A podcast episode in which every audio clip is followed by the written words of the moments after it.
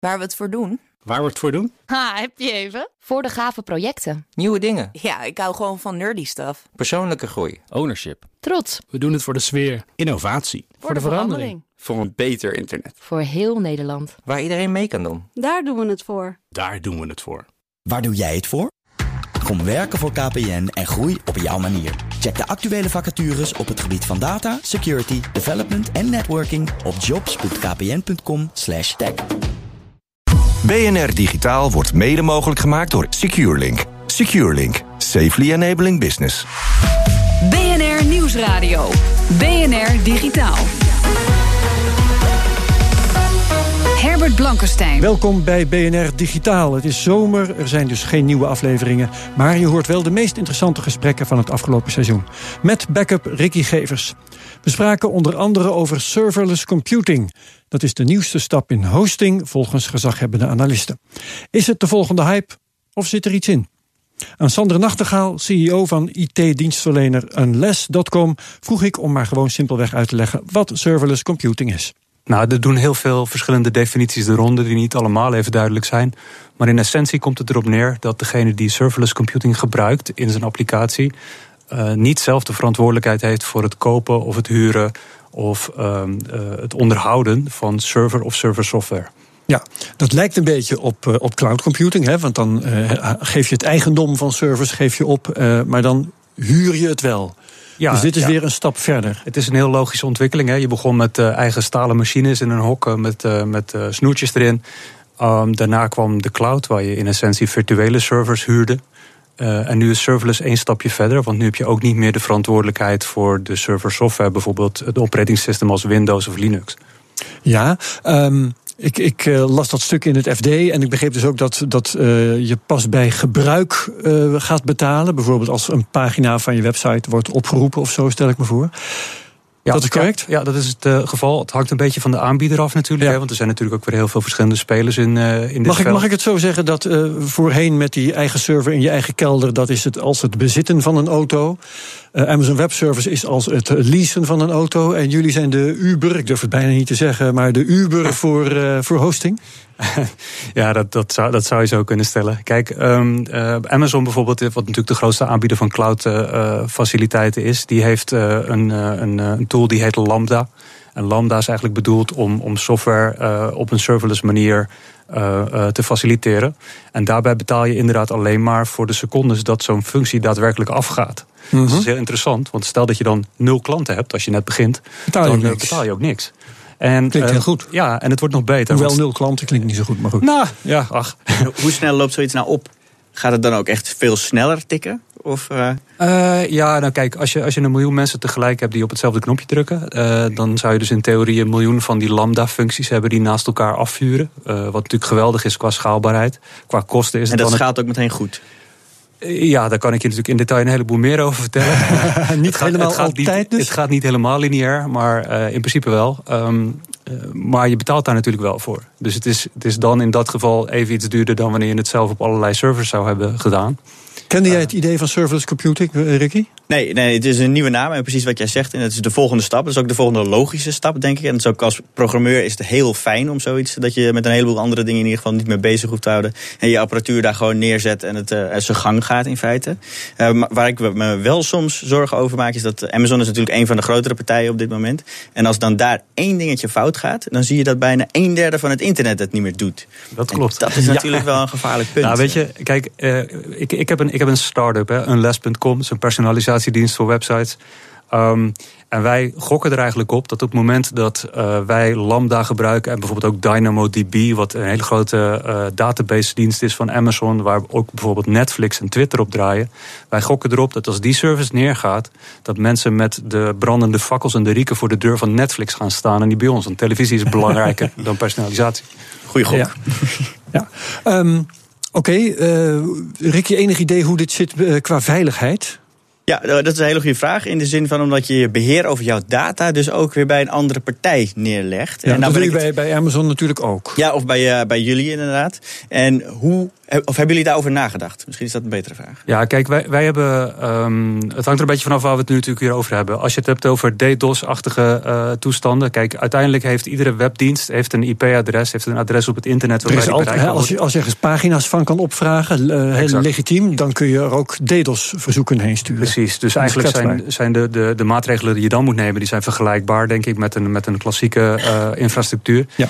Um, het is natuurlijk wel zo dat dit nieuwe technologie is. Uh, en hackers vinden dat altijd een beetje lastig. Kijk, inbrekers en dergelijke, ook mensen die in huis inbreken, vinden het altijd fijn als ze inbreken op een plek die ze goed kennen. Die dus hetzelfde is als wat ze vorige keer zagen toen ze inbraken. Want dat is fijn. Ja. Dan weet je waar je eruit kan.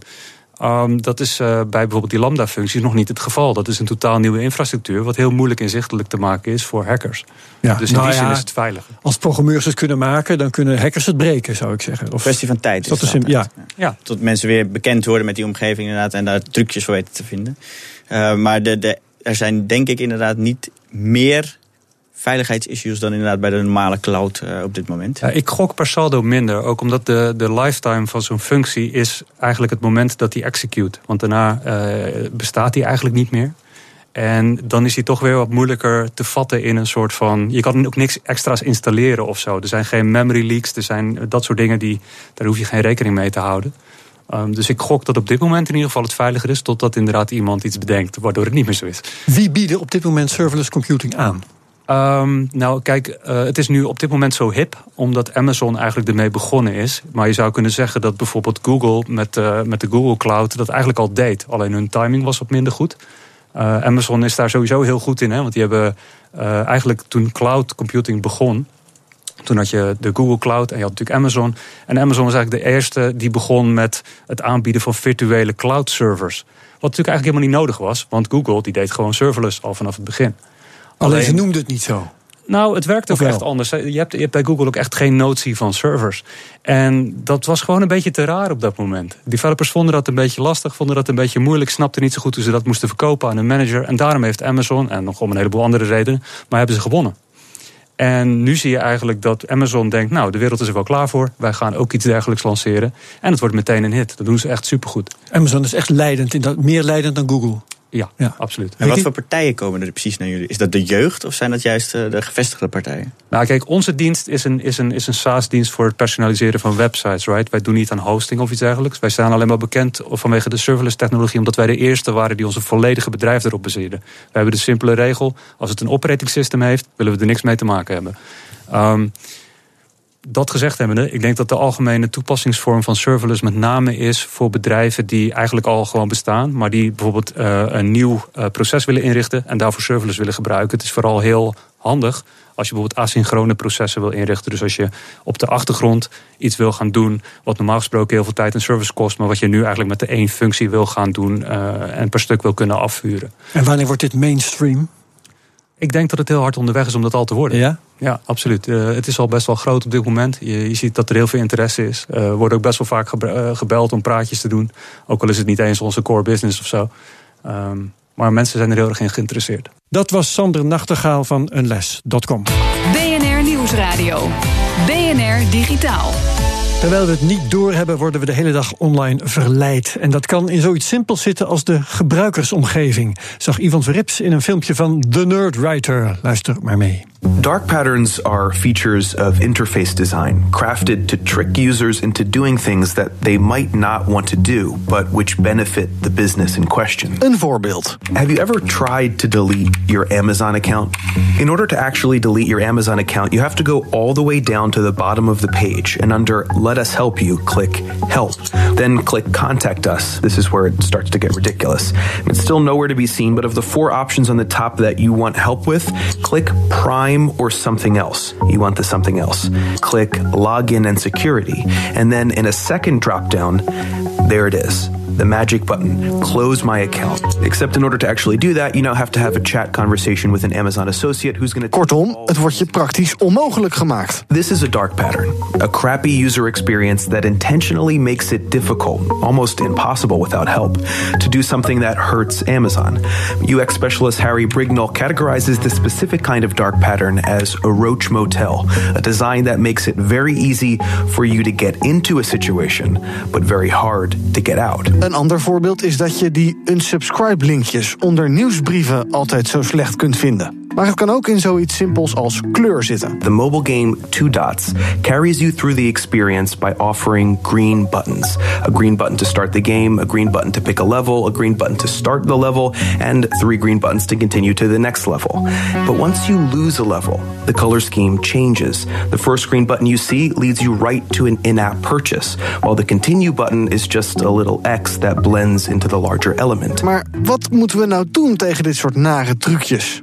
Wij kunnen iets doen, maar er is ook een oproep aan de mensen die dit soort dark patterns bedenken en ontwerpen. Our best defense against the dark patterns is to be aware of them and shame the companies who utilize them. Design is what mediates our interaction with the internet. It's the language we read it in.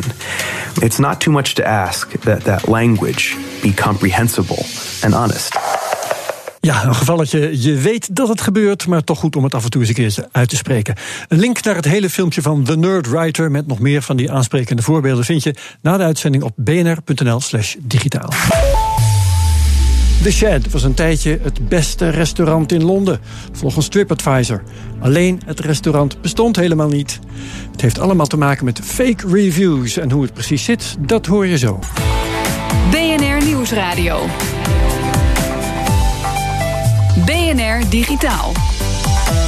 The Shed at Dulwich was het nummer 1 restaurant in Londen op TripAdvisor. Er was alleen één probleem: het restaurant bestond helemaal niet. Uba Butler, volgens mij heet hij echt zo van Vice, werkte acht maanden aan dit bedrog. Ilan Verrips bekeek zijn verslag. My first writing job was writing fake reviews for restaurants. That made me see TripAdvisor as like a false reality that everyone took completely seriously. Over the years, I just thought the only bit of TripAdvisor that is unfakeable is a restaurant itself. And one day I thought, oh, maybe it is actually fakeable. Dit is hoe het begon.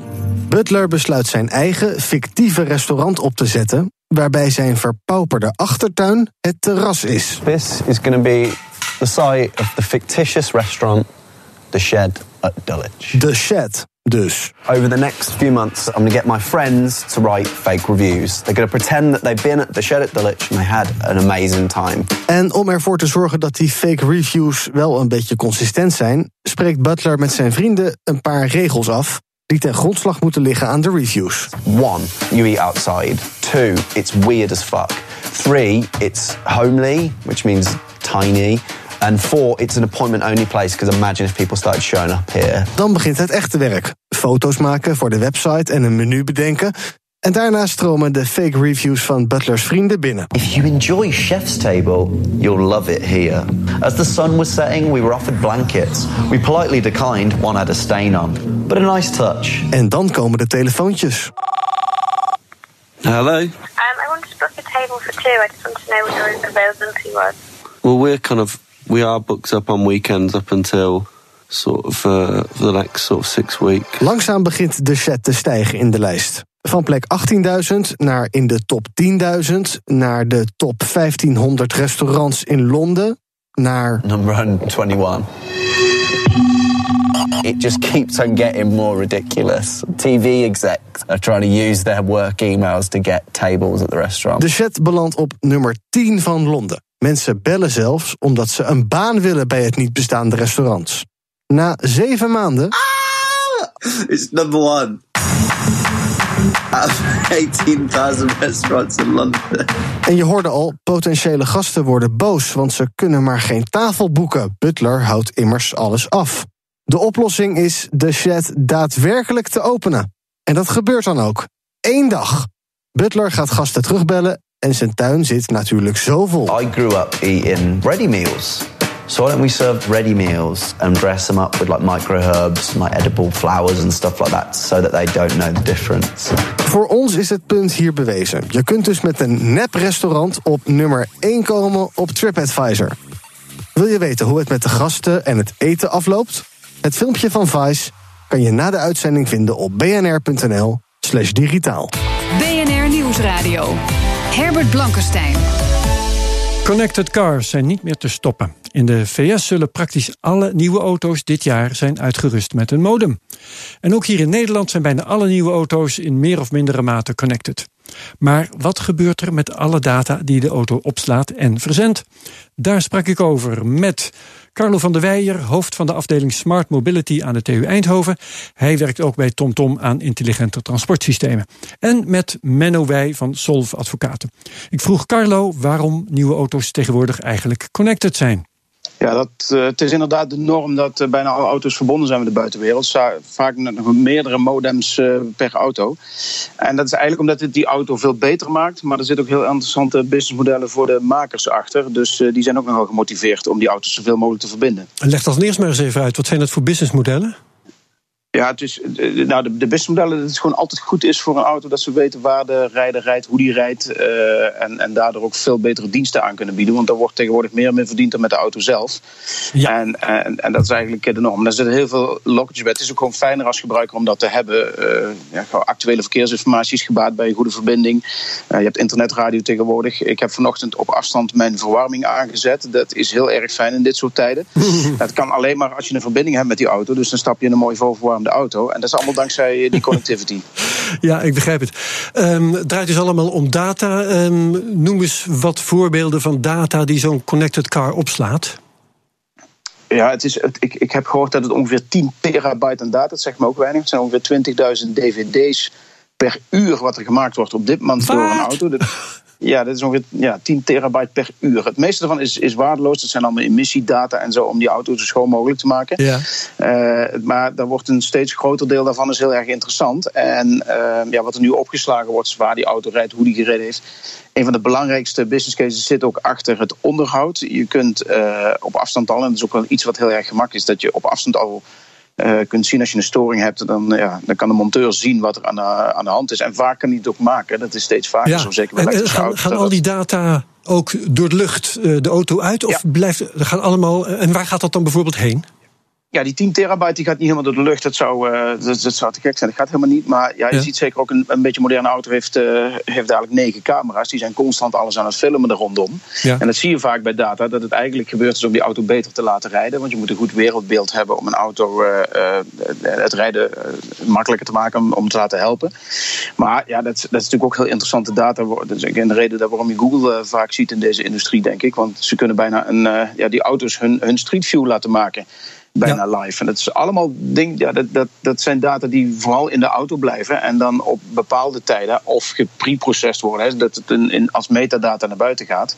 En dat is eigenlijk het nieuwe spel wat je ziet in, in automotive, dat, uh, dat er op die manier uh, uh, ja, die auto's van waarde zijn ja. voor dat soort bedrijven als Google. We hebben voorafgaand aan deze uitzending hier, want, want jij zit ergens aan een lijnverbinding, dat is ook te horen, dat geeft verder niet. Maar we hebben hier zitten kijken naar de privacyverklaring van Tesla. En uh, daar staat verschrikkelijk veel in. Maar wij vroegen ons af, uh, wanneer krijg je die eigenlijk te zien als koper van een auto van Tesla? Uh, weet jij dat toevallig?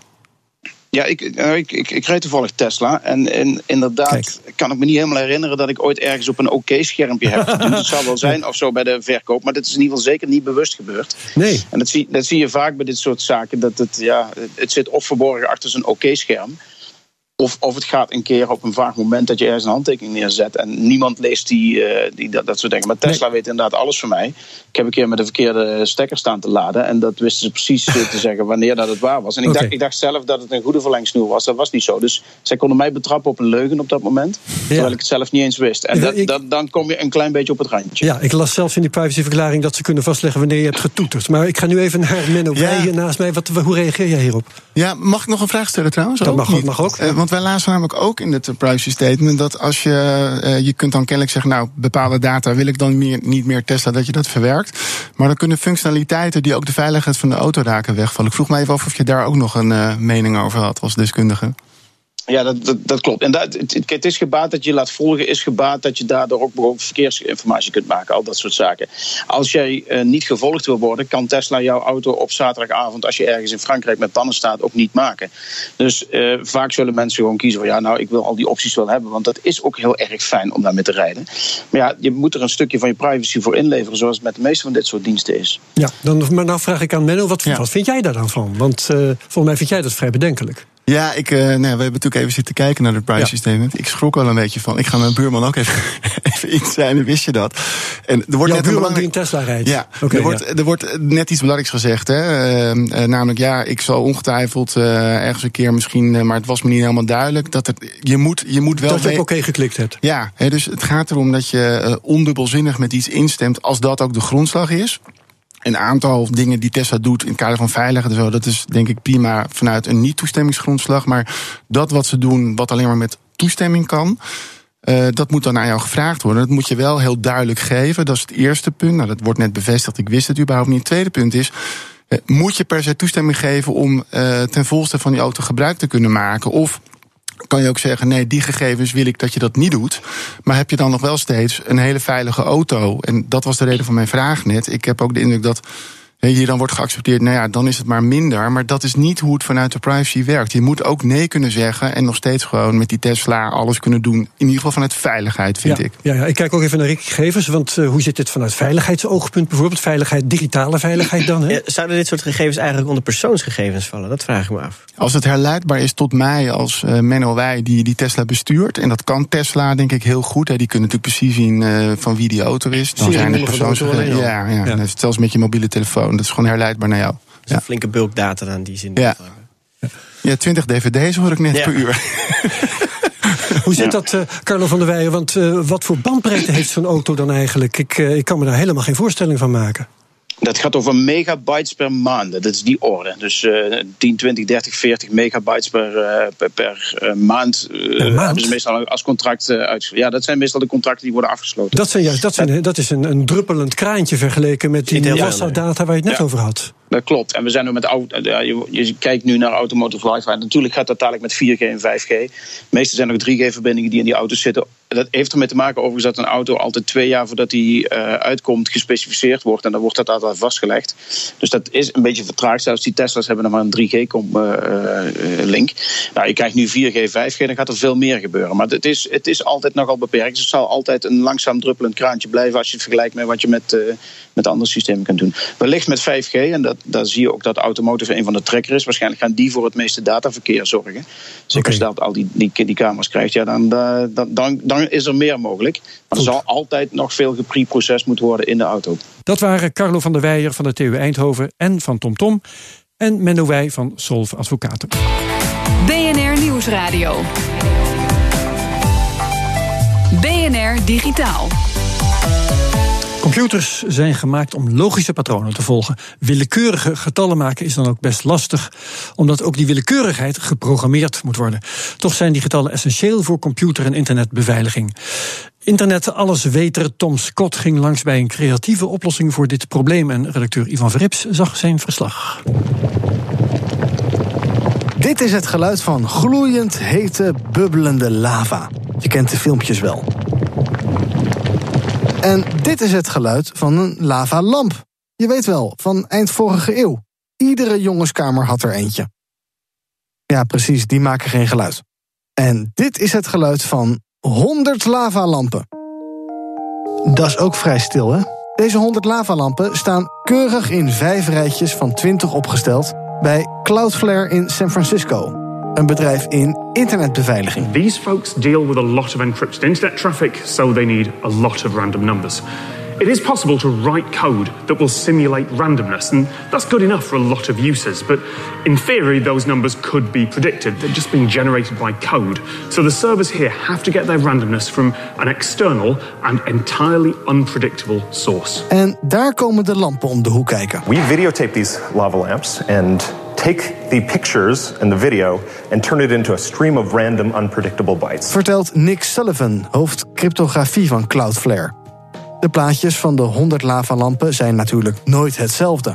En daarom kunnen ze helpen om de sleutels te maken om veilig internetverkeer te garanderen. This data is then fed into our data centers and then fed into the Linux kernel, which then uses it to help uh, seed random number generators that are used to generate keys. Maar niet alleen de daadwerkelijke lavabubbels zorgen voor de afwisselingen op de foto's. So it's not only just where the bubbles are flowing through the lava lamp, it's sort of the, uh, the state of the air, the sort of ambient light. Every tiny change uh, impacts the stream of data. Creatief hoor, 100 lavalampen, maar ze hebben nog meer bijzondere en unieke methoden. In our London office, we have this thing called a chaotic pendulum. It has three pieces and it's unpredictable in which way they kind of twist and turn together. We videotape that and feed it into our randomness source as well. In our Singapore office, we have a radioactive source that we use to feed into the randomness system as well. So this is not just some stunt that we that we pulled. It's it's actually you know being fed into our real systems. Tom Scott gooit er graag nog even een diepzinnige vraag in. Whether anything in the world is truly random is arguably a question of philosophy and not science.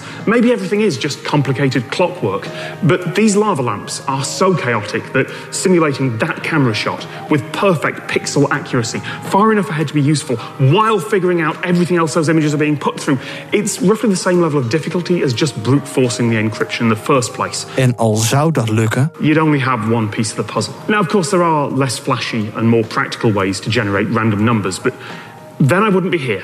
I would be at some other company who'd gone and, I don't know, pointed a camera at a basket of kittens. That'd be a bit higher maintenance, though. Ja, dat kan ook. Het uh, kanaal van Tom Scott heet Things You Might Not Know. En de, het filmpje over de lavalampen bij Cloudflare kun je zien op bnr.nl slash digitaal. Dit was BNR Digitaal. Terugluisteren kan via de site, de app, iTunes of Spotify. Volgende week een nieuwe zomeraflevering van BNR Digitaal. Heel graag, tot dan. BNR Digitaal wordt mede mogelijk gemaakt door SecureLink. SecureLink. Safely enabling business. Ook Thomas van Zeil vind je in de BNR-app. Je kunt live naar mij luisteren in Zaken doen. De BNR-app met breaking news, het laatste zakelijke nieuws... en je vindt er alle BNR-podcasts, bijvoorbeeld Het Nieuwe Geld. Download nu de gratis BNR-app en blijf scherp.